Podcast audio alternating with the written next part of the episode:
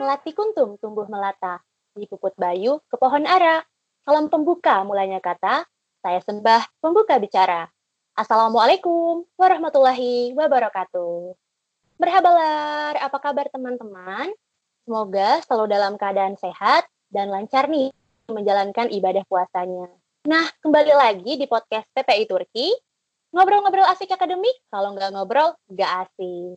Bersama saya, Andara Elmi. Di episode 6 ini, kita akan ngobrol seru bersama narasumber inspiratif. Nah, penasaran apa yang akan kita bahas? Tema yang akan kita diskusikan adalah refleksi Hari Pendidikan Nasional tentang peran diaspora progresif Turki dalam memaknai Hardiknas. Khusus nih memperingati Hari Pendidikan Nasional tepat pada hari ini 2 Mei. Nah, teman-teman, Keberadaan Hari Pendidikan Nasional ini yang ditetapkan oleh pemerintah Indonesia untuk memperingati kelahiran Ki Hajar Dewantara.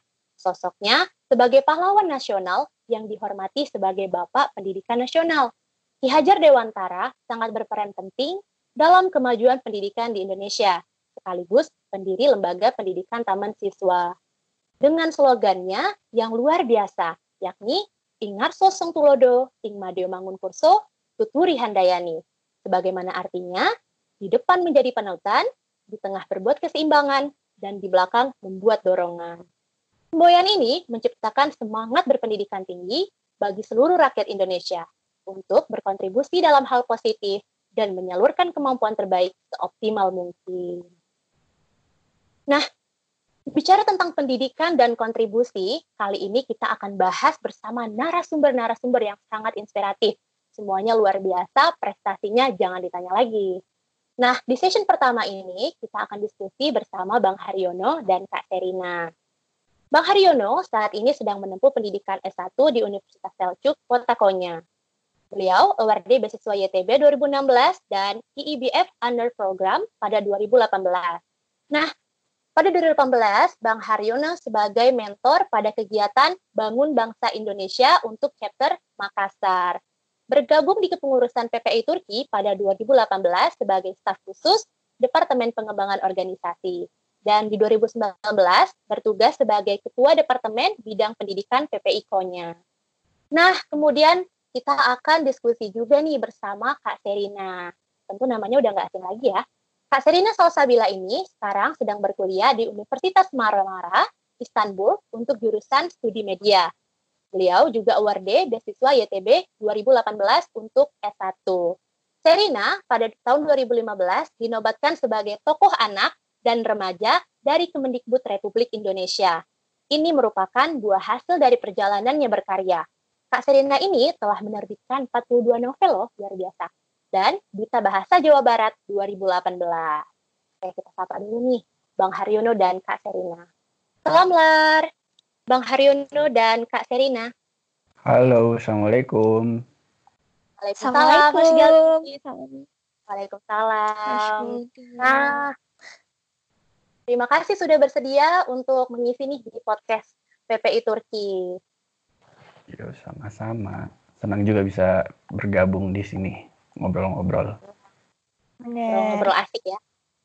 Oke, Tema yang akan kita diskusikan nih, Kak, uh, mengenai refleksi Hari Pendidikan Nasional, yaitu memperingati Hari Pendidikan Nasional tentang peran diaspora progresif Turki dalam memaknai Hardiknas.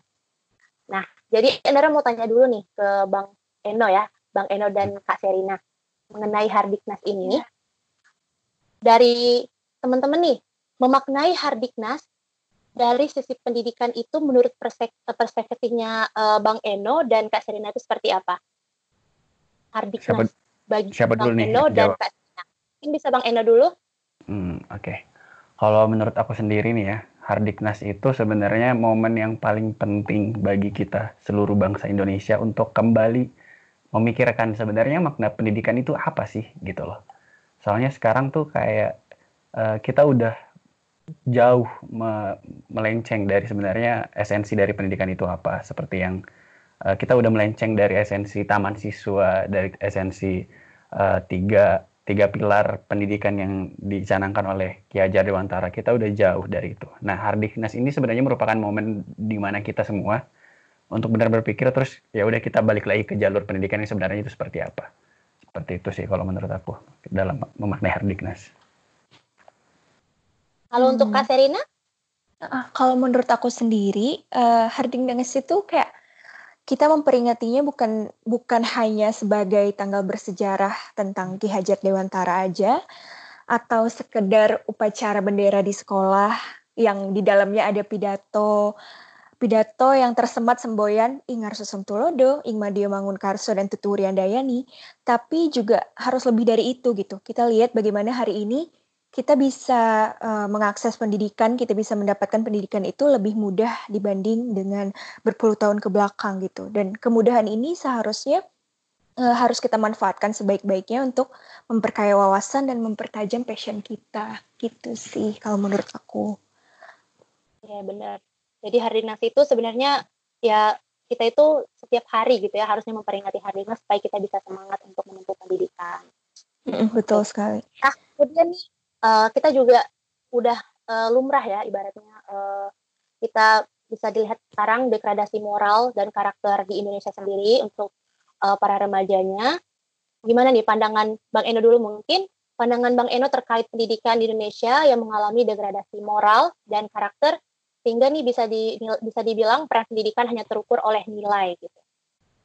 Ha, kalau berangkat dari itu sih sebenarnya masalah itu bukan cuma dialami oleh Indonesia, kayak banyak negara di dunia. Ada satu satu satu kutipan dari sebuah buku entah aku lupa namanya. Kayak uh, pendidikan itu institusi yang lahir di abad ke-18, terus yang diajarnya anak-anak ke 20 abad-abad 21. Jadi ada hampir 300 tahun uh, gap di antara itu gitu loh.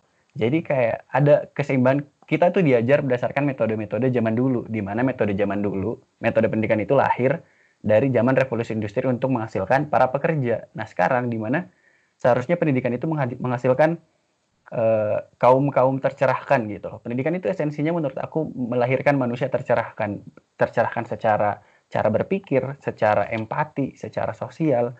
Nah itu seharusnya kalau kita melihat bagaimana pendidikan di Indonesia, yang hanya terfokus pada nilai soalnya sebenarnya uh, itu juga apa ya itu menjadi problematika yang amat sangat kritis uh, di mana kayak uh, di mana perkembangan ke depannya uh, kita itu nggak akan cuma berdasar pada nilai gitu kayak apa yang kita pelajari sekarang lima tahun ke depan udah nggak akan relevan lagi kita tidak akan bisa hanya berpatok pada hitam di atas putih tapi kita juga harus bisa berpatok kepada bagaimana kita bisa memecahkan masalah, terus belajar seperti itu. Dan banyak yang harus diperbaiki dari sistem pendidikan di Indonesia. Itu kalau dari aku. Gimana kalau dengan Kak Cari? Bener banget sih apa yang uh, kata Kak Eno tadi. Uh, apa ya, berdasarkan pengalaman aku aja gitu, uh, kita masuk sekolah itu pagi, berangkat pagi, dan pulang sore terus cuman untuk mendapatkan angka-angka yang ada di kertas dan di rapor gitu. Itu uh, sebenarnya apa ya jadi ironis gitu loh dan kita jadi kehilangan makna dari pendidikan itu sendiri di mana seharusnya sekolah itu tujuan utamanya kan untuk meletakkan dasar kecerdasan pengetahuan kepribadian kita harus belajar uh, akhlak mulia sopan santun gitu dan keterampilan lainnya gitu nggak cuma tentang angka-angka aja gitu. Terus uh, gimana caranya sekolah itu harus uh, dengan suasana yang menyenangkan gitu. Kita harus belajar tanpa tekanan, terus juga nggak uh, ada lagi perundungan. Pokoknya gimana caranya sekolah itu harus menjadi tempat belajar yang nyaman, penuh semangat dan uh, kita senang gitu berada di dalamnya. Dulu tuh aku uh, jujur aja aku males banget pergi sekolah karena suasana sekolah yang kayak gitu gitu loh yang membuat aku merasa kok gini sih gitu aku merasa tertekan dan dikekang gitu dengan adanya patokan-patokan yang ada di sekolah kayak gitu jadi emang uh, apa ya pendidikan di Indonesia yang kayak uh, me, apa melevelkan kepintaran peserta didik dengan nilai itu emang benar adanya gitu. Ini sangat ironis gitu loh, menurut aku.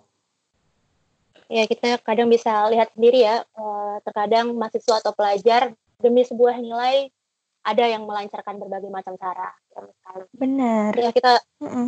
berharap semoga uh, sistem pendidikan Indonesia bisa jadi semakin lebih baik lagi dan kembali lagi kepada esensi dari pendidikan itu tadi. Iya, Oke. Okay. betul sekali. Nah, kalau kita bicara tentang Hardiknas dan peran kita sebagai diaspora, kita nih, peran kita sebagai diaspora dalam memperingati Hardiknas ini, apa nih menurut Kak Terina? Apa yang bisa kita lakukan? Hmm, kalau menurut aku sendiri, uh, hardikness itu seperti yang tadi udah kita bahas sebelumnya, itu tuh nggak cuma di tanggal 2 Mei aja gitu, tapi memang harus kita refleksikan gitu dalam kehidupan sehari-hari. Misalnya dengan apa yang kita bisa, apa yang kita suka, dan apa yang kita memang uh, bisa tekun di sana gitu. Misalnya aku, aku suka menulis.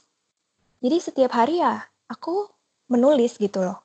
Aku juga membaca aku juga menghasilkan tulisan yang uh, aku rasa bisa bermanfaat untuk diri aku sendiri dan juga orang lain gitu. Seperti nah semangat ini nih semangat yang sama sebenarnya yang diusung oleh Ki Hajar Dewantara di mana Ki Hajar itu berjuang untuk pendidikan melalui tulisan-tulisan yang tajam dan tentu aja didapat dari kemampuan berliterasi yang cakap dan mumpuni gitu loh. Nah, terus uh, dengan cara itulah gitu loh kita bisa memaknai makna Hari Pendidikan Nasional itu dalam kehidupan sehari-hari gitu kalau menurut aku yang bisa kita lakukan gitu loh itu dimulai dari diri sendiri tujuh dimulai dari diri sendiri dulu ya hmm. buat perubahan Benar. kalau untuk Bang Eno gimana nih peran kita sebagai diaspora untuk merefleksikan Hardiknas uh, kalau kita mau memper, memperspesifikkan ya menspesifikan ke peran diaspora. Aku sih lebih hmm. yang penting kita di luar, terus kita dapat kesempatan untuk mengenyam pendidikan, mendapatkan sudut pandang baru, mendapatkan akses ke dunia luar. Seperti apa sih sebenarnya dunia-dunia luar me mengelola sistem pendidikan di dalamnya. Nah, ilmu-ilmu itu kita bawa pulang gitu loh. Nggak nggak nggak mesti apa ya, nggak harus misalnya habis habis kuliah terus langsung balik terus tiba-tiba out of nowhere bikin sesuatu apa karena karena apa pun yang kita dapatkan di luar tidak bisa serta merta langsung kita terapkan di Indonesia untuk memecahkan permasalahan di Indonesia. Soalnya karakter karakteristik demografi di Indonesia itu beda banget. Tapi setidaknya kita mendapatkan insight yang baru dari luar, kita mendapatkan pengalaman, pengetahuan yang selanjutnya kita bisa campurkan kira-kira Indonesia ini masalahnya di mana gitu loh. Nah, kalau peran kita sebagai diaspora, apalagi sebagai mahasiswa di luar, pelajar diaspora, kita menuntut ilmu yang baik, kita memahami sebenarnya uh, pendidikan itu seperti apa. Kalau sebenarnya pendidikan itu adalah tools uh, bagi kita untuk memecahkan masalah, untuk hidup uh, secara berkesinambungan, secara harmonis dengan alam dan secara, dengan sesama. Habis itu ya udah kita balik, kita membangun bangsa, kita lihat uh, bangsa kita kurang dari sini kita perbaikin di situ. Bukan cuma karena kita di luar kita hidup enak terus ya udah kita uh, foya-foya di luar melupakan tanah kelahiran. Seperti itu sih kalau dari aku kalau peran kita sebagai diaspora. Terbaik. Nah bicara tentang peran yang tadi untuk kontribusi Indonesia boleh dong Bang Eno terkait nih dengan hmm. bidang ilmuwan yang Bang Eno geluti ekonomi dan manajemen ada nggak sih terpikir dari sekarang kontribusi yang akan diberikan untuk Indonesia Wow, kalau aku gimana ya? Ini ini sekalian curhat gitu sih. Kalau aku tuh orangnya Ya, amat sangat itu ya, amat sangat visioner. Widih, amat sangat visioner.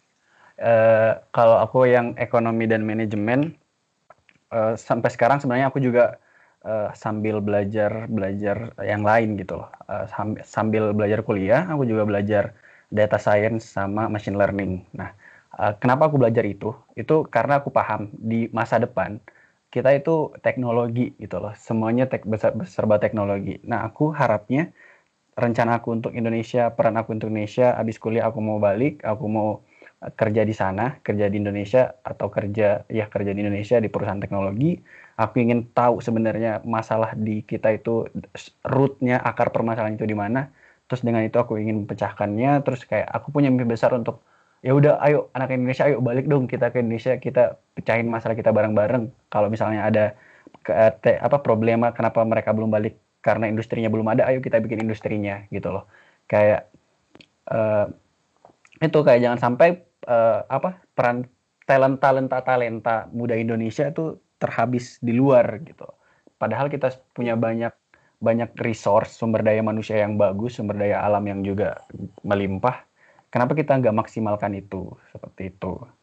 Itu sih kalau aku cita-cita untuk Indonesia berkaitan dengan Hari Pendidikan Nanti Bang Eno, Nanti Bang Eno jadi Menteri Ekonomi nih, Insya Allah. Amin. Belum saya buat Sri Mulyani sih. Bisa Bang, Insya Allah. Nah, kemudian untuk Kak Serina nih, mengapa memilih untuk berkontribusi pada bidang sastra dan literasi? Apa alasan serta titik baliknya nih? Karena Kak Serina ini udah 42 novel yang ditulis. Boleh dong Kak Serina cerita? Oke, iya, alhamdulillah, uh, dan kemarin aku juga baru rilis novel baru aku sih. Baru banget seminggu yang lalu, novel anak dan remaja gitu. Um, jadi kenapa aku, uh, memilih fokus di sastra sebenarnya di dunia tulis menulis, ya karena aku menyadari gitu potensi potensi yang aku punya gitu, dan gimana cara aku meyakinkan orang tua aku, meyakinkan guru-guru aku dulu saat aku kecil, kalau aku bisa uh, bisa menghasilkan karya di bidang ini gitu. Terus uh, di situlah akhirnya uh, aku mulai mencoba eksplor diri dengan ikut kompetisi menulis tingkat nasional, terus juga uh, mulai mengirim tulisan-tulisan aku ke penerbit dan aku mendapatkan feedback yang cukup bagus gitu di mana aku juga akhirnya menyadari kalau misalnya apa yang apa yang aku tulis ternyata itu tuh bermanfaat gitu untuk banyak orang untuk anak-anak dan remaja khususnya uh, itu sih dan titik baliknya ya semua pencapaian aku di bidang ini membuat aku jadi berpikir lebih luas lagi membuka cakrawala aku lebih luas dan mengantarkan aku untuk uh, pintu-pintu dan gerbang-gerbang impian aku yang lainnya gitu. Salah satunya ya ini kuliah di Turki gitu. Kuliah di luar negeri itu salah satu cita-cita aku juga sejak kecil dan ini bisa terwujud karena aku menulis gitu.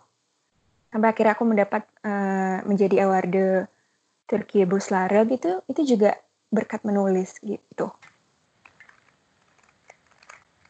Jadi memang menulis itu banyak manfaatnya ya kayak banyak manfaatnya kak Serena. Mm-mm, bener banget. Jadi nggak cuma buat diri kita sendiri saat menulis kita merasa lega gitu, uh, merasa bisa menyuarakan isi hati kita, tapi juga bermanfaat gitu untuk orang lain. Tujuh. Nah, cara tentang kuliah di Turki. Nah, susah nggak sih menurut Kak Serina dan Bang Eno? Bang Eno dulu deh. Bang Eno yang udah lebih lebih dulu dari kita nih dari 2016 ya. Kalau dong cerita iya, gimana sih ya di Turki? Ada nggak sih tantangannya, rintangannya gitu? Uh, tantangannya sebenarnya lebih ke awal-awal doang sih. Ya pasti problema kita semua bahasa Turki. Itu udah wow. itu awal-awal banget kan pasti kayak ini bahasa kenapa gitu susah banget gitu kan itu awal awalnya tantangannya di situ awalnya di bahasa terus uh, aku inget banget pas pertama kali ba masih baru banget baru datang terus diajak jalan-jalan gitu kan sama anak-anak PPIKO-nya yang lain terus tiba-tiba kita ngobrol-ngobrol tentang kuliah terus aku nanya gitu loh kuliah di sini susah nggak sih bang? Gitu kan. Terus kayak uh, lu dapet IP 3 aja syukur gitu kan. Terus kayak aku merasa apa ya aku tuh nggak pernah menerima sesuatu karena udah segitu normanya gitu loh. Tapi aku selalu bertanya masa iya sih nggak bisa lebih dari situ? Masa iya sih nggak bisa aku nggak bisa lebih? Gitu kan. Terus ya udah awal-awal uh, emang susah banget bahasa Turki terus bisa lulus terus masuk kuliah. Terus beda banget lagi beda beda antara Tomer dan kul di di kelas tuh beda jauh uh, dosen yang ngomong apa nggak tahu. Sampai-sampai uh, meskipun dilarang aku uh, bebal banget. Kayak aku ngerekam suaranya. Hmm. Aku ngerekam suara dosennya yang bisa ngejelasin sampai tahu kan dosen-dosen Turki ngejelasinnya cepet banget terus lama bisa ngomong. Iya ngomongnya lama dua jam gitu kan dua jam tiga jam selama uh, ders selama pelajaran gitu kan terus habis itu balik ke ke asrama waktu itu masih di asrama terus harus ngedengerin ulang lagi uh, recordingnya dicatat satu persatu. Itu bisa sampai 12 jam sih per hari aku habisin buat belajar. Itu pas semester semester awal. Pas semester semester berikutnya udah terbiasa udah udah terbiasa jadi cuman ngambil ngambil catatan pas di ruangan itu aja. Terus kalau mau ujian gue tuh orangnya nggak pernah puas dengan penjelasan dosen doang di kelas gitu. Selalu kayak kalau dia menjelaskan ini selalu aku selalu mengelaborasikannya dengan uh, case study dengan sebenarnya di dunia ini apa teori ini penjelasan uh, realnya seperti apa sih sebenarnya kasus-kasusnya seperti apa supaya lebih paham gitu nggak cuma ngapalin doang aku benci banget menghafal soalnya. Jadi benar-benar gitu deep gitu. Kalau susah ya susah banget sih dari awal. Lama kelamaan udah terbiasa dengan proses belajar seperti itu lama-lama bakal terbiasa sendiri akhirnya bahasa Turkinya dihadapi ya udah dijalani gitu ya Bang Eno iya, iya udah ya udahlah santai. Nah kalau untuk Kak Serina gimana nih? Kak Serina tahun berarti semester kedua ya sekarang Kak? Iya ini tahun kedua aku di Turki. Kalau buat aku sendiri kesulitannya itu lebih ke ini sih apa namanya gimana cara kita beradaptasi dan dengan tempat gitu sih. Soalnya kan aku uh, tahun lalu saat aku pertama kali datang ke Turki itu aku uh, Tomer atau kuliah bahasa Turki, belajar bahasa Turkinya itu di Ankara, di Gazi University.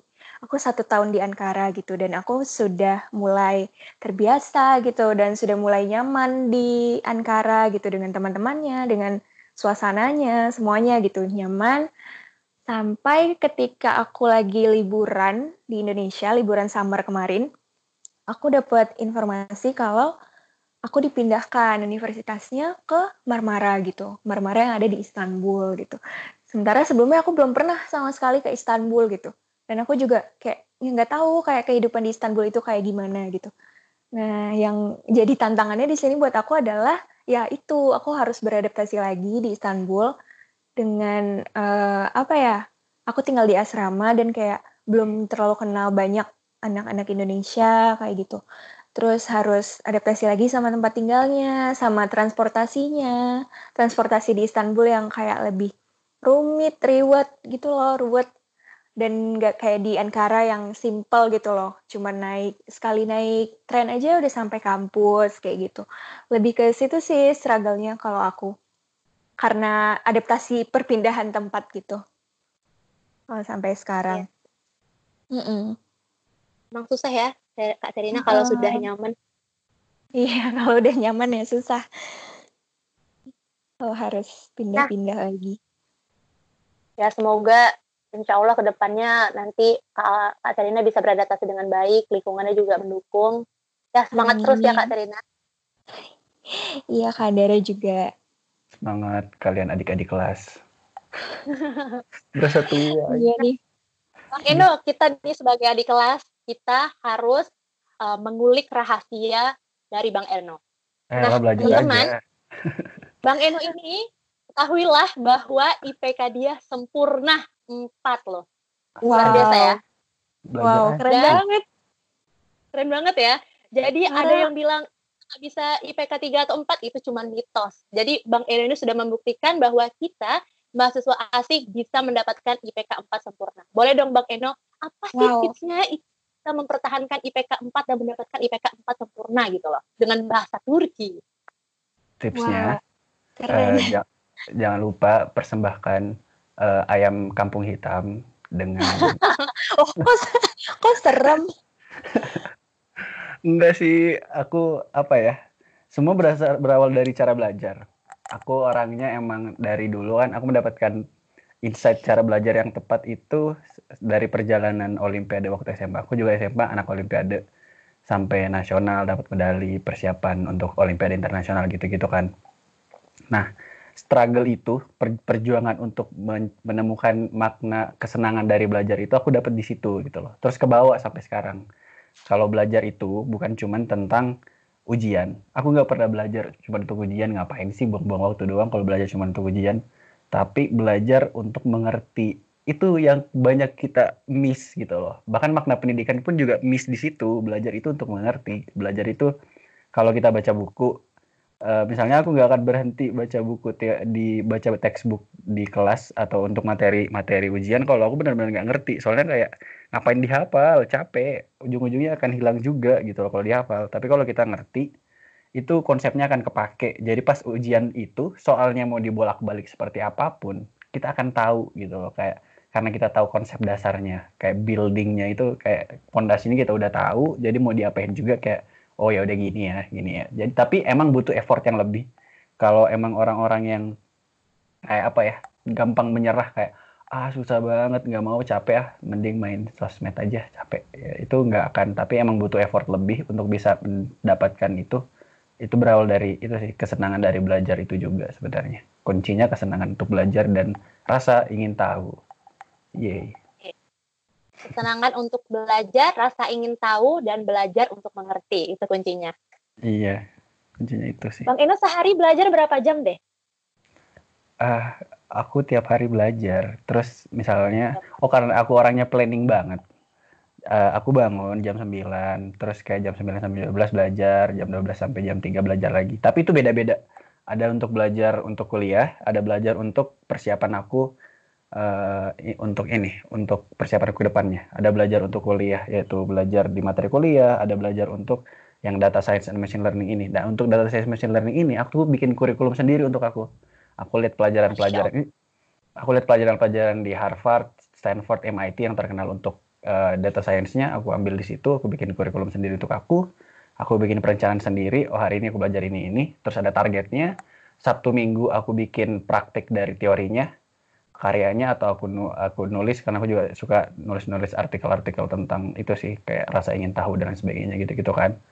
Terus ya itu aja sih hari-hariku dihabiskan dengan belajar, tapi bukan kutu-kutu banget, kutu buku banget juga, biasa aja. Nah, teman-teman jadi saya menemukan lagi orang yang hobinya belajar. Ya nggak Kak Serena? Iya, selain selain banana ya. Aduh. Luar biasa. Luar biasa.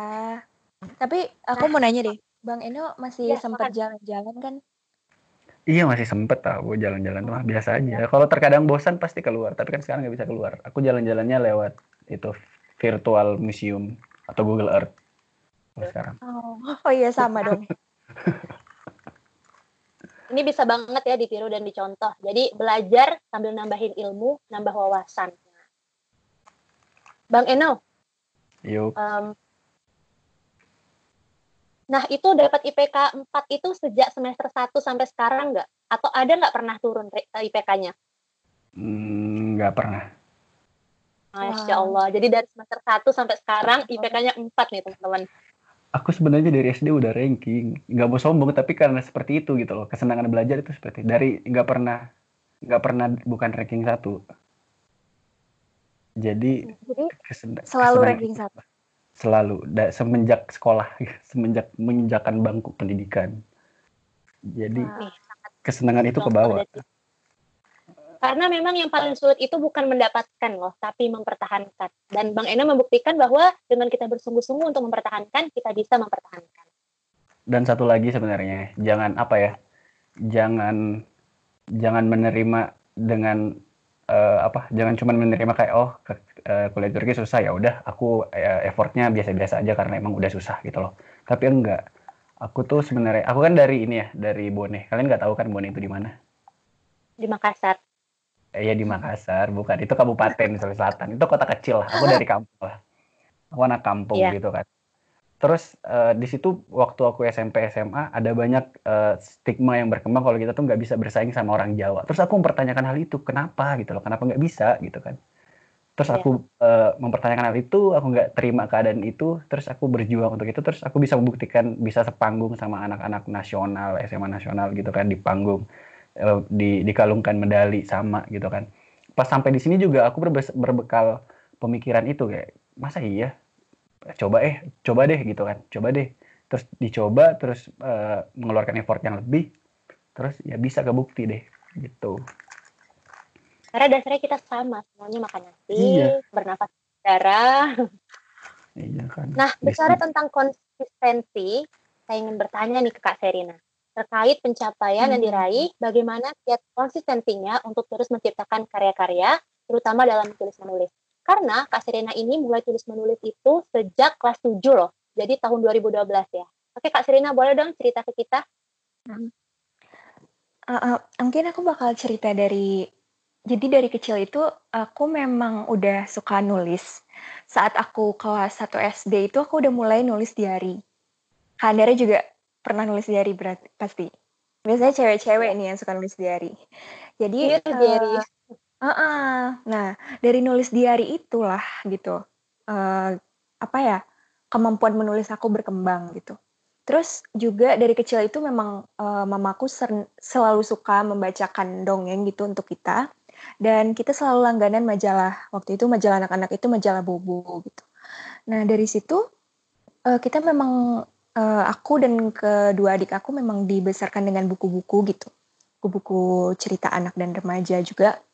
Nah, dari situ saat kelas 3 SD, eh kelas 4 SD, aku pindah ke Jakarta, keluarga aku pindah ke Jakarta dan di sekolah baru itu, di sekolah negeri waktu itu aku di SDN Jatiraya 8, ada guru aku namanya Pak Gofur, wali kelas aku. Beliau yang menemukan bakat menulis aku gitu. Jadi waktu diminta untuk uh, menulis tugas bahasa Indonesia, membuat cerpen, buat puisi gitu. Nah, tugas aku tuh yang selalu kayak menarik perhatian Pak Gofur ini gitu.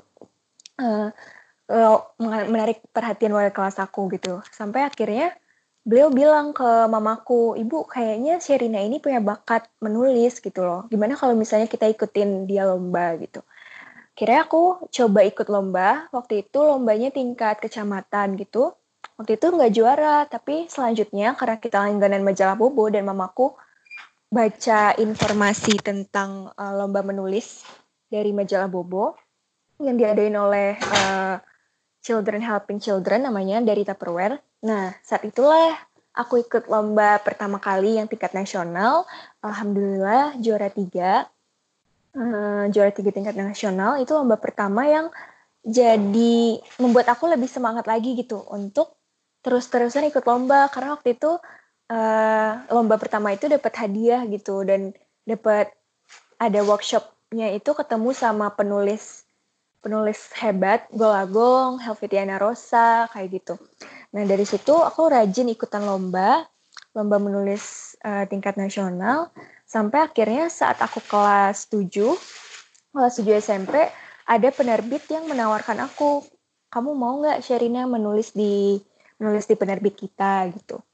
Terus aku bilang aku mau gitu kan karena aku excited. Sampai akhirnya aku menulis saat pertama kali buku aku terbit di penerbit itu judulnya Petualangan Hati Jelajahi Pelangi.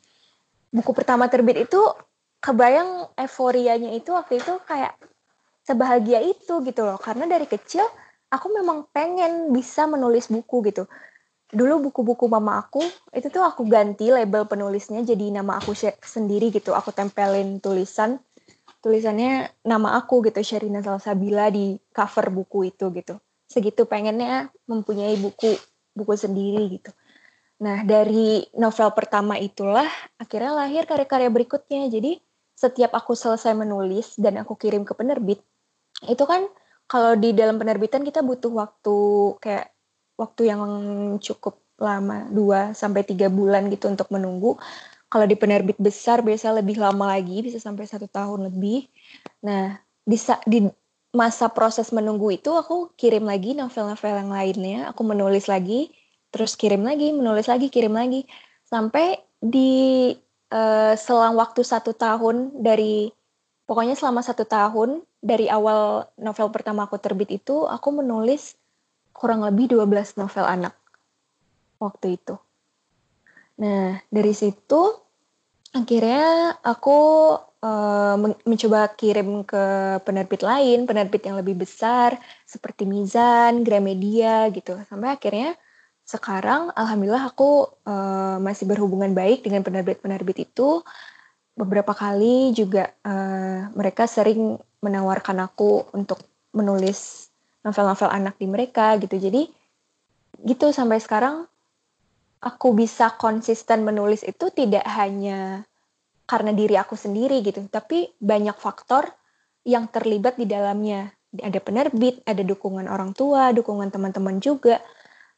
Dan tentunya atas izin Tuhan yang Maha Baik, Allah Subhanahu wa taala gitu. Jadi bersinergi lah semua faktor ini sampai akhirnya aku masih bisa untuk terus menulis dan menghasilkan karya gitu. Walaupun udah umur 19 tahun gitu, tapi aku masih tetap menulis novel anak dan remaja kayak gitu.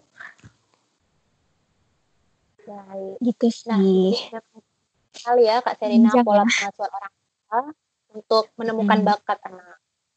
Mm-mm. Oke, itu tadi tentang dan tentunya ini adalah buah hasil dari kerja keras, konsisten, semangat dan juga eh, doa ya dari orang sekitar. Begitu juga dengan Bang Eno tadi. Em, mungkin nih pesan-pesan yang ingin disampaikan untuk pendengar podcast PPI Turki, mungkin dari Bang Eno dulu. Eh, pesan aku untuk pesan teman-teman pendengar eh, apa ya explore kalau aku explore sih Explore. mengeksplor semua ke kesukaan dan lain sebagainya. Karena aku nggak mau kita semua terikat pada satu hal kalau kata pintar itu cuman pintar di sekolah. Enggak kecerdasan itu banyak dimensinya gitu loh. Misalnya yang tadi eh, dari Sherina kecerdasan dia caranya menulis menge- me- mengemukakan pikiran dia menuangkan dalam bentuk tulisan itu salah satu bentuk kecerdasan juga. Bukan cuman dalam bentuk eh, nilai 90 matematika 80 apa gitu kan di dalam kelas enggak explore semua itu dan jangan jangan minder ketika ketika apa ya ketika dikatain ah nggak pintar gara-gara nilainya di rapor nggak bagus atau nilai ya gitu kan di transkrip nggak bagus. Tapi kembali lagi konsep belajar itu dan konsep pendidikan itu adalah bagaimana mem- membuat manusia itu menjadi tercerahkan. Bagaimana kita itu menjadi manusia yang eh, mampu berpikir dengan baik mampu bersikap sosial dengan baik mampu dengan kayak hubungan kita dengan spiritualitas kita dengan baik gitu loh Nah, itu sebenarnya tiga konsep eh, dimensi dari pendidikan itu sendiri. Jadi jangan lupa tetap explore, tetap menjelajah kesukaan kita. Terima. Itu sih dari aku. Kalau dari Kak Serina, Kalau dari aku sendiri, bener sih kayak apa yang kata Kak Eno tadi dan aku setuju banget gitu. Karena aku seperti yang aku bilang tadi, aku memang nggak nggak setuju gitu kalau misalnya kemampuan kita, kepintaran kita, kecerdasan kita itu hanya dinilai oleh angka-angka gitu. Nah, itu eh, benar kata Kak Eno juga, kita harus explore diri kita gitu. Kita harus cari, kita nggak boleh berada di zona nyaman kita aja gitu kita harus eh, cari hobi-hobi yang lain, hobi-hobi baru yang bisa bikin kita semangat lagi, bikin kita jadi kepo gitu, bikin kita jadi apa ya? Bikin kita merasa, ih, gue interested sama hal ini gitu dan bikin kita jadi berkembang gitu cara kita berpikir, wawasan kita, terus habis itu relasi kita juga gitu. Terus eh, saran aku sih buat semua teman-teman yang ada di Turki, yang ada di Indonesia, pokoknya di mana pun lah uh, kita uh, menurut aku wajar banget kalau misalnya kadang kita tiba-tiba jadi capek, capek sama belajar misalnya, atau berorganisasi juga kita merasa capek kadang gitu. Capek, jenuh, bosen, gelisah, atau kangen, apalagi buat teman-teman diaspora yang ada di Turki gitu kan, pasti kangen itu adalah apa ya, hal terbesar yang menyulut emosi-emosi lainnya datang gitu. Nah, itu tuh Iya. bisa kita kendalikan, bisa kita jadikan apa ya? Bisa kita jadikan itu tuh ajang untuk berkarya gitu.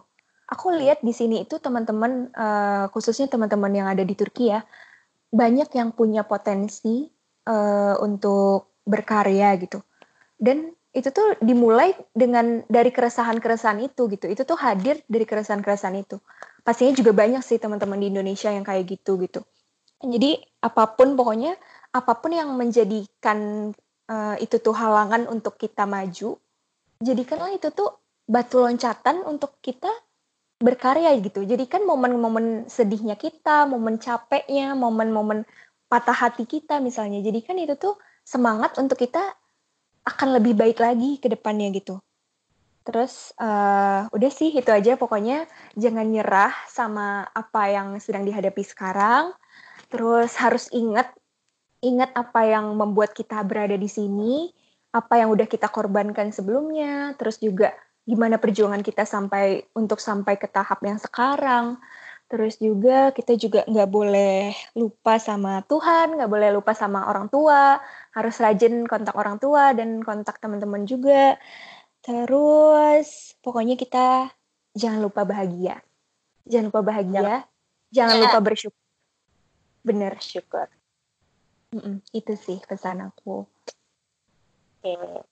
Nah, teman-teman, temui potensi diri kita, ekspor sebanyak mungkin, coba berkali-kali, dan eksekusi. Jangan menyerah, walaupun halangan dan rintangan menghadapi kita.